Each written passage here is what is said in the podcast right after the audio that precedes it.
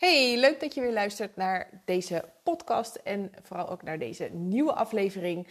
Uh, waarin ik het met je ga hebben over de belangrijkste factoren waarom onze vruchtbaarheid, dus onze algehele vruchtbaarheid, al jaren aan het dalen is. En um, ik ben een beetje geïnspireerd door een, um, een bericht dat ik uh, van de week voorbij zag komen op Instagram. En ik dacht, ik ga hier toch nog eens eventjes wat aandacht aan besteden. Want het is wel echt uh, belangrijk omdat uh, de daling ook gewoon ja, steeds sneller lijkt te gaan. Uh, steeds meer stellen um, eigenlijk beïnvloedt. Maar dat er steeds minder antwoord is op de vragen die veel van die stellen hebben. Dus wellicht dat jij je hier ook wel in herkent. En, uh, en dat de deze podcast jou kan helpen om, um, nou ja, om in ieder geval weer een stapje verder te komen. Um, heb je nou zelf iets anders of iets waar je tegenaan loopt, waar je graag um, ja, een antwoord op zou willen krijgen, dan uh, kun je ook je vragen naar mij toesturen via e-mail of Instagram. Ik zal aan het einde van deze aflevering even met je delen hoe dat het makkelijkste gaat. Um, maar eerst natuurlijk even deze aflevering. Zoals ik al zei, neemt onze algehele vruchtbaarheid al jaren af. Dat is niet alleen hier in Nederland, maar dat is eigenlijk in heel veel landen. Um, er zijn zelfs landen waar er al een negatief uh, geboortecijfer is, oftewel er worden minder nee, er gaan meer mensen dood dan dat er nieuwe baby's geboren wordt. En die daling die lijkt dus steeds sneller te gaan. De huidige man van de tegenwoordig is nog maar half zo vruchtbaar als de man van zo'n 70 jaar geleden. En ook vrouwen hebben steeds vaker en ook steeds heviger last van hormonale verstoringen of auto-immuunziektes. En vaak zie je dat die auto-immuunziektes dus ook weer komen door een hormonale disbalans uh, en vice versa. Hoewel er niet één specifieke oorzaak is voor die problemen, um, is denk ik de belangrijkste factor wel de toename aan giftige chemicaliën in onze omgeving. Um, en die chemicaliën, die ook wel bekend zijn als endocrine verstoorders, bootsen je natuurlijke hormonen na en verstoren zo de normale werking van je eigen natuurlijke hormonale systeem. Ze nemen eigenlijk de plek in van jouw eigen hormonen. En die endocrine verstoorders, um, die worden ook nog wel eens xeno-oestrogenen genoemd. Niet echt te ver, dit moet je niet uh, verwisselen met fyto-oestrogenen. Dat zijn plantaardige uh, op hormoon lijkende stoffen. Maar we hebben het nu echt over de chemische, dus de, de door mensen gemaakte uh, chemische stoffen die lijken op onze lichaams eigen hormonen. Nou, het zijn chemicaliën die dus invloed hebben op de productie, maar ook de afgifte, het transport, metaboli het, zeg maar het metaboliseren en ook het elimineren, oftewel het uitschaden van die hormonen. Nou, dat zijn allemaal processen die plaatsvinden en, um, en we worden dus massaal blootgesteld aan deze verstoorders. En een van de belangrijkste stappen in het verbeteren van je vruchtbaarheid, maar ook je algehele hormonale gezondheid, is dus om deze chemicaliën zoveel mogelijk te vermijden. Nou, het is bijna onmogelijk om helemaal niet blootgesteld te worden aan deze rotzooi. Uh, gelukkig heeft je lichaam een goed ontgiftend en zelfherstellend vermogen. Maar soms lijkt het wel alsof we met opzet vergiftigd worden. En dat klinkt misschien een beetje, nou ja, uh, doemdenkend of uh, misschien wel een beetje complottheorieachtig. Maar het valt mij zo op dat er steeds meer chemische stoffen, steeds meer hormoonverstorende stoffen eigenlijk overal in terugkomen. Um, in voeding, in cosmetica, in kleding, kaarsen, meubels, schoonmaakmiddelen, verpakkingen, medicijnen. Het zit echt bijna overal in. En vaak moet je ook meer betalen voor de niet-giftige alternatieven, dus eigenlijk gewoon de natuurlijke alternatieven, zoals bijvoorbeeld biologische voeding of meukvrije cosmetica, schoonmaakmiddelen en wasmiddelen. En dat vind ik gewoon bijzonder. Um, want je moet dus eigenlijk extra moeite doen en extra tijd en geld investeren om niet blootgesteld te worden aan die chemische stoffen.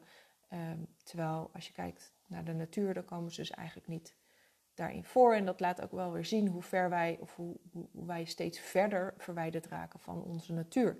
En tot slot hebben we dan ook nog te maken met een hele rits aan artsen die van mening zijn dat je zelf geen invloed hebt op je vruchtbaarheid en dat aanpassingen in je leefstijl weinig tot geen invloed hebben. Ik hoor het bijna iedere keer weer terug als ik met vrouwen spreek die of aan de vooravond van een, van een IVF of een vruchtbaarheidstraject staan, of die bij de huisarts zijn geweest iedere keer krijgen ze weer te horen: nee, je hebt daar zelf geen invloed op. Het is wat het is. En ik vind het echt onbegrijpelijk, aangezien er meer dan genoeg wetenschappelijk, maar ook echt anekdotisch bewijs is dat het tegendeel waar is. Dus laat je vooral niet met een kluitje het riet insturen als je momenteel te maken hebt met artsen die deze boodschap ook aan jou verkondigen.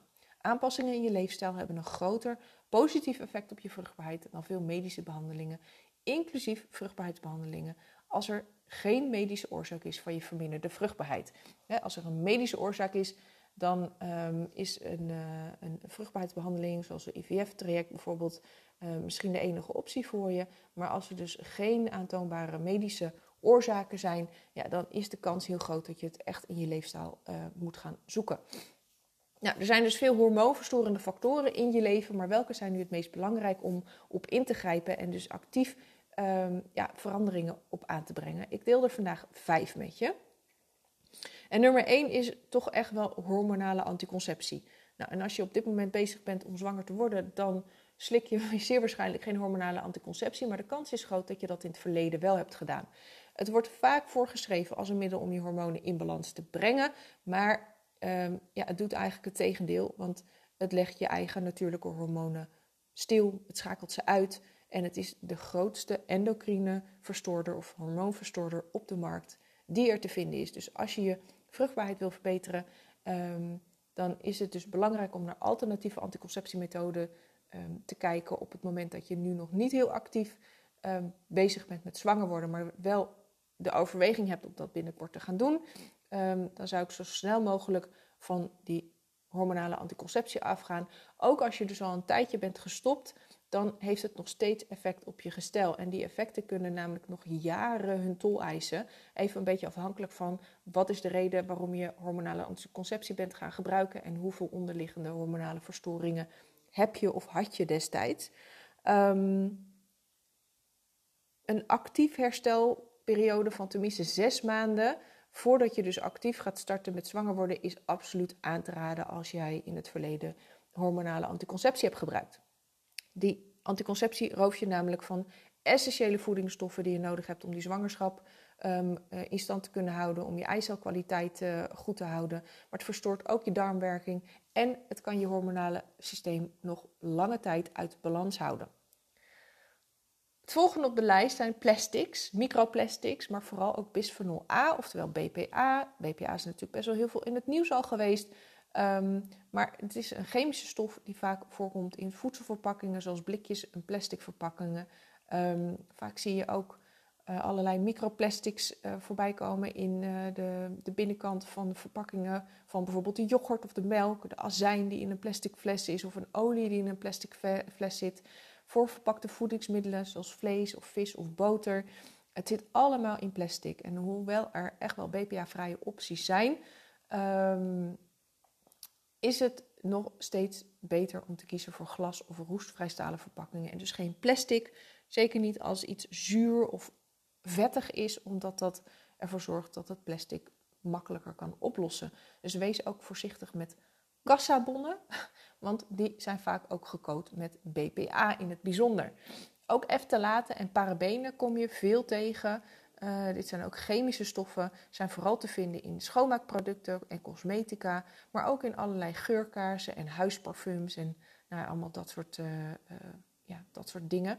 Vaak wordt beweerd dat de hoeveelheden heel klein zijn en dat het dus niet schadelijk is, maar als je alles bij elkaar optelt, dan word je dus gedurende de dag en gedurende je leven aan enorme hoeveelheden van die chemische stoffen blootgesteld. Je smeert ze op je huid, je ademt ze in. Um, veel schoonmaakmiddelen zijn ook vrij agressief en bevatten schadelijke stoffen die je hormonen kunnen verstoren. Vaak adem je die schoonmaakmiddelen ook in of het komt op je handen terecht terwijl je aan het schoonmaken bent. En vooral vrouwen worden dus veel meer blootgesteld aan dit soort chemicaliën, omdat zij, ja, ze gebruiken gewoon meer cosmetische producten. Um, denk aan haarverf, deo, parfum, nagellak, crèmetjes, lotions, shampoos, make-up. Uh, noem het allemaal maar op. En over het algemeen zijn het ook vaak de vrouwen die schoonmaken of vaker schoonmaken in huis bijvoorbeeld uh, dan mannen en worden dus zo ook vaker blootgesteld aan die schadelijke stoffen. Gelukkig zijn er wel steeds meer hormoonvriendelijke alternatieven om je blootstelling aan deze stoffen te verminderen. Dus probeer daar ook gewoon bewuste keuzes in te maken. Een ander belangrijk aandachtspunt is water. En hoewel in Nederland het drinkwater uit de kraan van best wel hoge kwaliteit is, heeft de waterzuivering de laatste jaren wel steeds meer moeite om de grote hoeveelheden microplastics, maar ook um, ja, residu van pesticiden en resten van medicijnen, inclusief dus de hormonale anticonceptie, die nog steeds heel veel gebruikt wordt, om die uit het water te filteren. Een optie is natuurlijk om zelf je water te filteren. Uh, hier zijn heel veel verschillende systemen voor. Het een werkt wat beter dan het andere. Um, en als je denkt dat je dan maar beter flessenwater kunt drinken, dan uh, ja, kom je daar ook een beetje bedrogen uit. Vaak zitten deze namelijk in plastic. Um, daar, daardoor zitten er dus ook, of is de kans ook groter dat er veel meer microplastics in dat water zitten. En vaak is dat water ontdaan van allerlei mineralen. Dus um, ja, ik zelf drink gewoon water uit kraan. Um, maar het is echt wel iets wat uh, toch wel al een tijdje in mijn hoofd een beetje rondspeelt. Of daar een waterfiltersysteem uh, of een waterfilter ertussen zetten niet, uh, niet een betere optie is. Tot slot wil ik ook nog heel even stilstaan bij het gebruik van industriële plantaardige oliën. Ook deze zijn enorm hormoonverstorend, maar op een iets andere manier dan de chemicaliën waar ik het net over had. Um, het probleem namelijk met deze plantaardige olie is dat ze echt in bijna alle bewerkte voeding zitten. Ook in de dingen waarin je het niet verwacht, zoals brood, maar ook crackers, chips, smeersels zoals pesto, hummus, broodsalades, maar ook plantaardige boters, hè, die heel erg aangeprezen worden als gezond. Uh, maar ook margarine, gemengde oliën, bak- en braadproducten. Vaak zie ik het ook terugkomen in gedroogd fruit, uh, ijs, snoep, koekjes, taart, wraps, woksauzen, marinades van vlees. Het zit echt bijna overal in. Jaren geleden heb ik mezelf aangeleerd om, uh, om etiketten te lezen. En het verbaast me iedere dag weer um, in hoeveel producten plantaardige oliën zitten. Waar het ook eigenlijk helemaal niet in hoeft te zitten.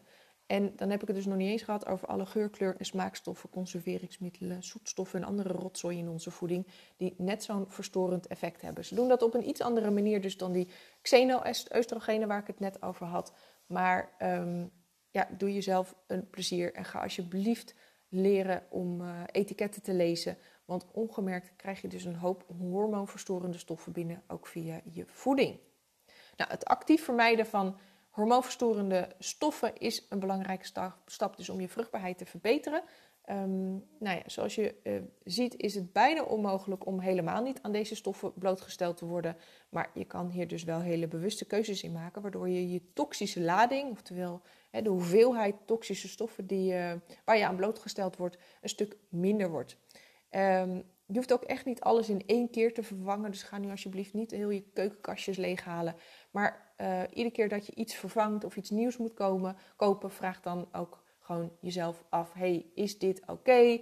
Of is er misschien een beter alternatief dat minder hormoonverstorend is? Nou, weet je niet waar je moet beginnen of welke alternatieven je het beste kunt gebruiken? Neem dan even contact op, met me op via de mail of via Instagram. Um, de komende weken is het eigenlijk vakantieperiode en ga ik me vooral toeleggen op een, uh, een nieuw programma waarin ik onder andere dit thema uitvoerig uh, aan bod laat komen. En ik zal hier ook de komende tijd wat meer aandacht aan gaan besteden in deze podcast.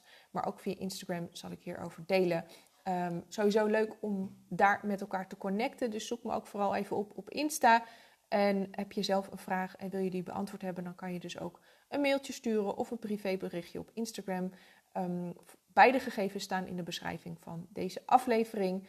En vergeet ook niet om je te abonneren op mijn podcast, zodat je dus een melding krijgt als er een nieuwe aflevering klaar staat. Uh, het makkelijkst doe je dit door op volgen of het belletje te klikken bovenaan de podcast. En um, ja, ik kijk er naar uit om van je te horen. Hoop dat je er natuurlijk ook de volgende aflevering weer bij bent. En ik zou zeggen, tot dan.